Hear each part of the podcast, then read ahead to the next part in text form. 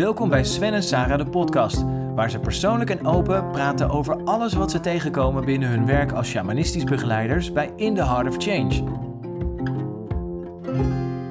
Ja, vandaag over een onderwerp wat ik uh, heel erg leuk vind, want het is mijn nieuwe boek, De Shaman en de Manager.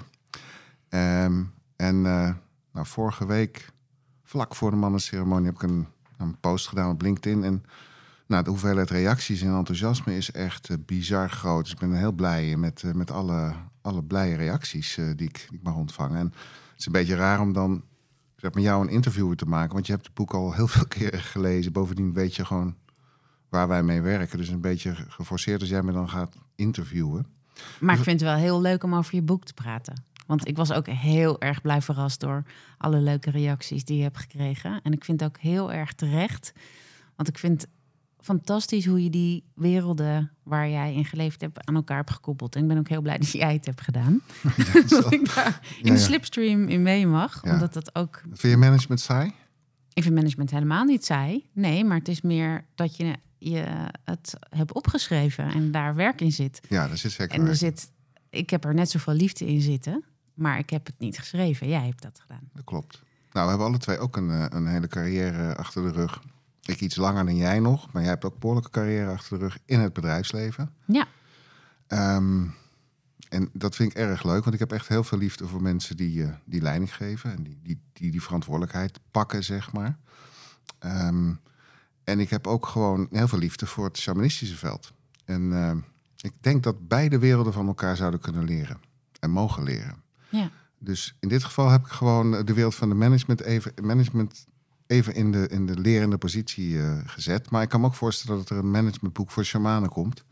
En dat, ja, dat het heel handig is voor mensen bijvoorbeeld om ceremonies te integreren. Om eens even wat managementtechnieken toe te passen. Dus, nou, wat, dus dit... die werelden kunnen van elkaar leren, bedoel je? Absoluut. Dat, uh, ja. ja, dat is zeker waar. Want het kan niet zonder elkaar bestaan. En het, is, het ene is ook niet beter dan het ander. Nee, het is alleen heel erg jammer als je maar één van die werelden benut.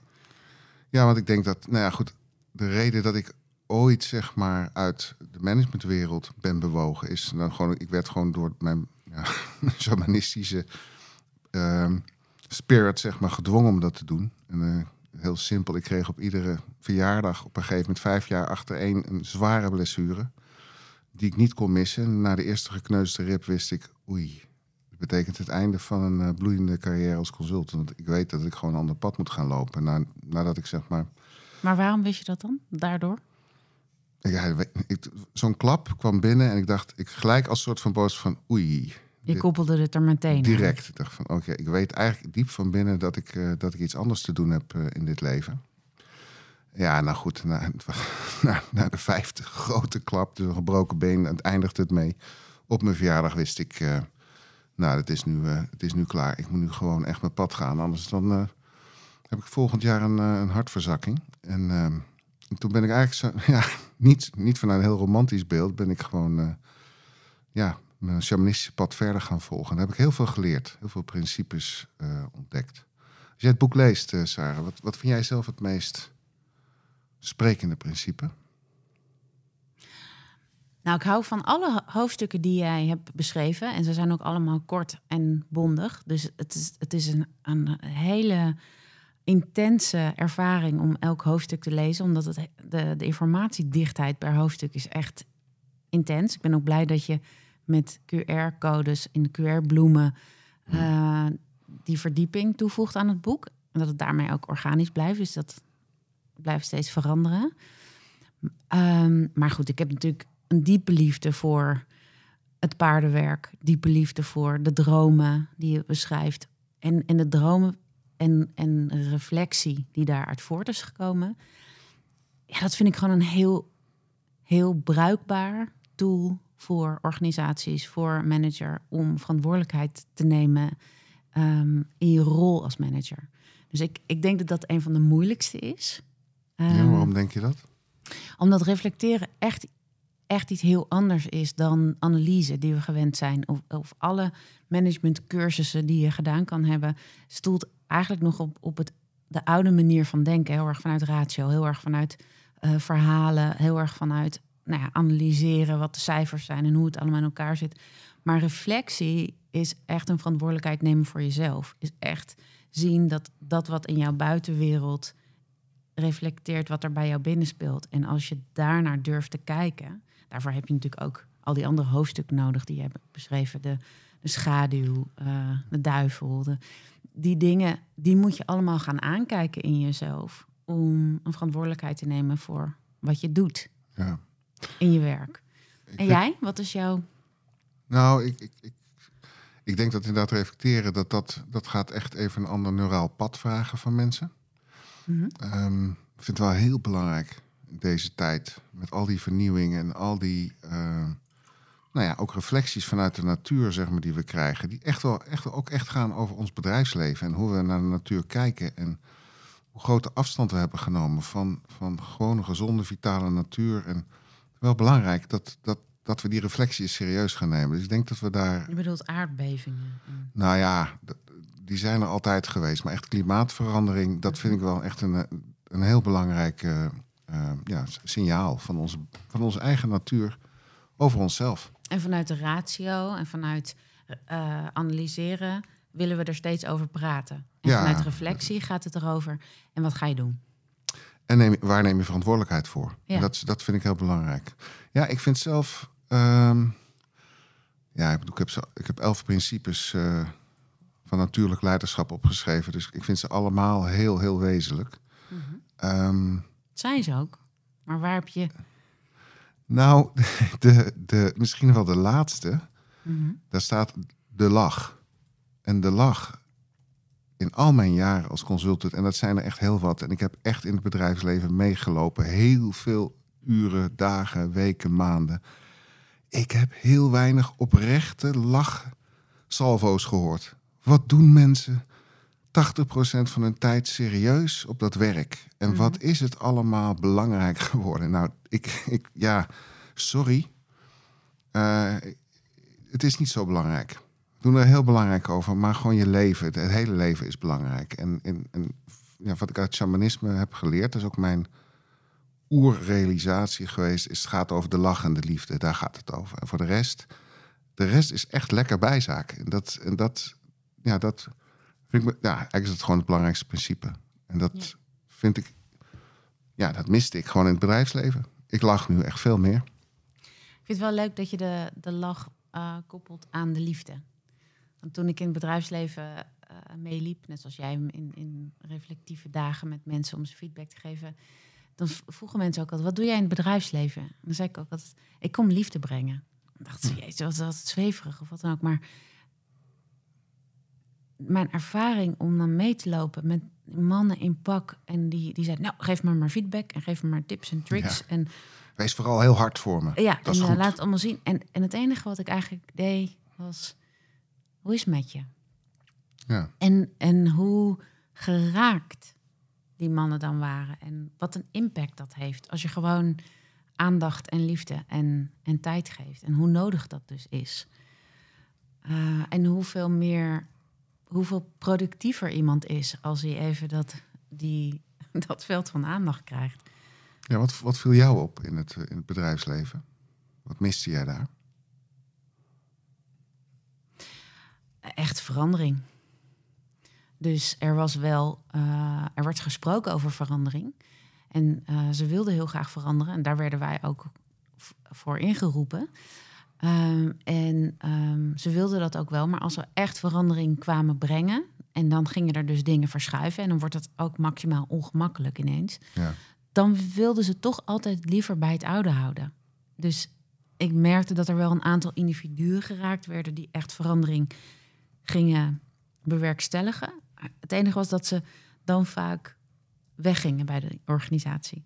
En niet de, de logorganisatie zelf durfde die verandering maar moeilijk aan. En dat omschrijf je ook in je boek. Ja, ik doe het onder, de, onder het principe de saboteur ontmaskert. En Ja, dat is bijvoorbeeld een principe wat ik als, als consultant nooit heb begrepen. Ik durf te zeggen, ik was echt een hele goede veranderaar en interventionist. Durf ik echt gewoon zonder schaamte te zeggen. ja, En waar ik kwam, kwam echt vernieuwing. ja. En werden ze ook echt aan de bak gezet. En, en ik heb echt met verbijstering staan kijken naar organisaties die nog heel veel geld betaalden aan mij en mijn organisatie. En heel veel tijd ook in investeerden. En op het moment dat het echt gerealiseerd werd en het echt ging gebeuren, dan, dan staken ze gewoon zelf een spaak tussen hun eigen wielen. En de ene keer was het nou, een, groep medewerkers die cynisch werd en die gewoon nou, het volle podium kreeg. En een andere keer was het, nou, de, de, de transitie is geslaagd. We hebben een nieuwe directeur en die draaide gewoon in twee uur de hele verandering terug, waar je dan anderhalf jaar eh, aan gewerkt had. Nou, ik, Ja. ik was verbijsterd. Ja, Nou, dat heb ik in het shamanisme heb ik dat echt leren kennen, wat dat is ehm, en hoe dat werkt.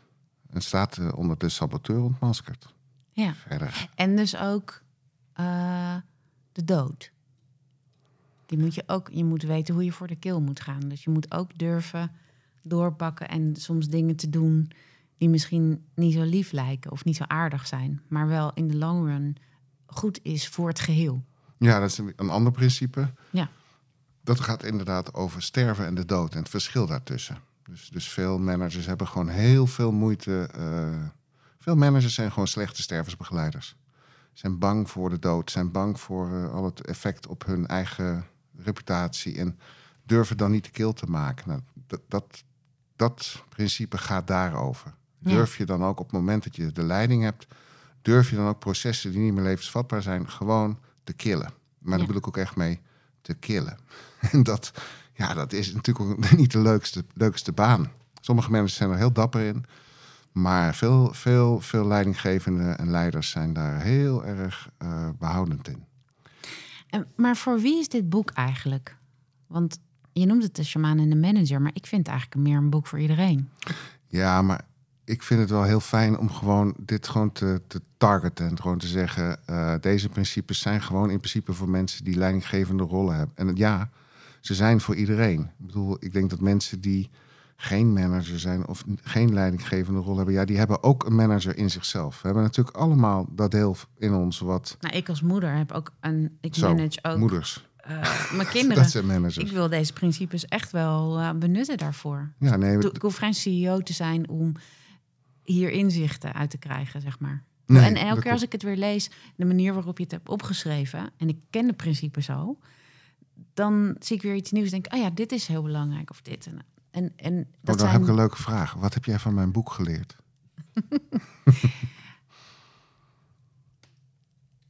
Nou, maar goed, ik vind aan je boek bijvoorbeeld heel goed dat je heel talig bent en dat je met heel weinig tekst heel kort en bondig iets kernachtig kan vertellen. En dat- Ja, nee, dat is een flauw antwoord. Wat Nee, heb je van dat- mijn boek geleerd? Dat is maar geen flauw antwoord. ik vind dat een groot compliment. Wat heb ik van je boek geleerd? Nou, het ziet eruit dat ze niet zoveel geleerd heeft van mijn boek. Nou, kijk, maar Sven, ik werk al 16 jaar met jou. Ik ken al deze principes van binnen en van buiten. En ik heb in mijn leven heel veel van jou geleerd. Maar ik weet niet hoe ik nu dat is een flauwe vraag dit. Ja, maar je vindt dat ik het goed geschreven heb. Dat vind ik heel fijn om te horen. Ik vind dat je het heel goed geschreven hebt. Ik vind het heel puntig. En ik vind het heel fijn dat er niks in staat wat niet nodig is. Dus er, het is geen zwamboek. Het is echt... eh, en dat betekent niet dat je er snel doorheen bent. Want die sommige hoofdstukken kan je best wel een paar keer Ja, lezen. ga je even op je nachtkastje leggen. Ja. Of, denk ik wel. Ja, Tenminste, even weer terughalen. ik- ieder hoofdstuk durf ik wel te zeggen... Nou, van die elf principes zijn er zeker acht... waar ik echt een dik boek over kan schrijven. Dus het is echt gewoon een wereld heel erg samengevat... in eh 2,5 bladzij met een principe en een QR-mogelijkheid... om jezelf te verdiepen. Ja. En in die verdieping... Ja, daar gaan we ook gewoon eh, mensen gewoon helpen om, om die principes ook echt toe te passen. En eh, nou, dat, dat, in, in beginsel zullen we negen QR-bloemen zeg maar gevuld hebben rond, rond die koers. En andere En gaandeweg, als het boek er al is, Ja. dan worden die QR-bloemen nog meer gevuld en komt er steeds meer informatie vrij en steeds meer verdieping. En eh, blijft het boek heel levend, organisch en natuurlijk. Spannend. Heel spannend en echt heel erg leuk. En als je, het, eh, als je benieuwd naar bent, dan kan je op www.deshamaanendemanager.nl kan je het in de voorverkoop kopen.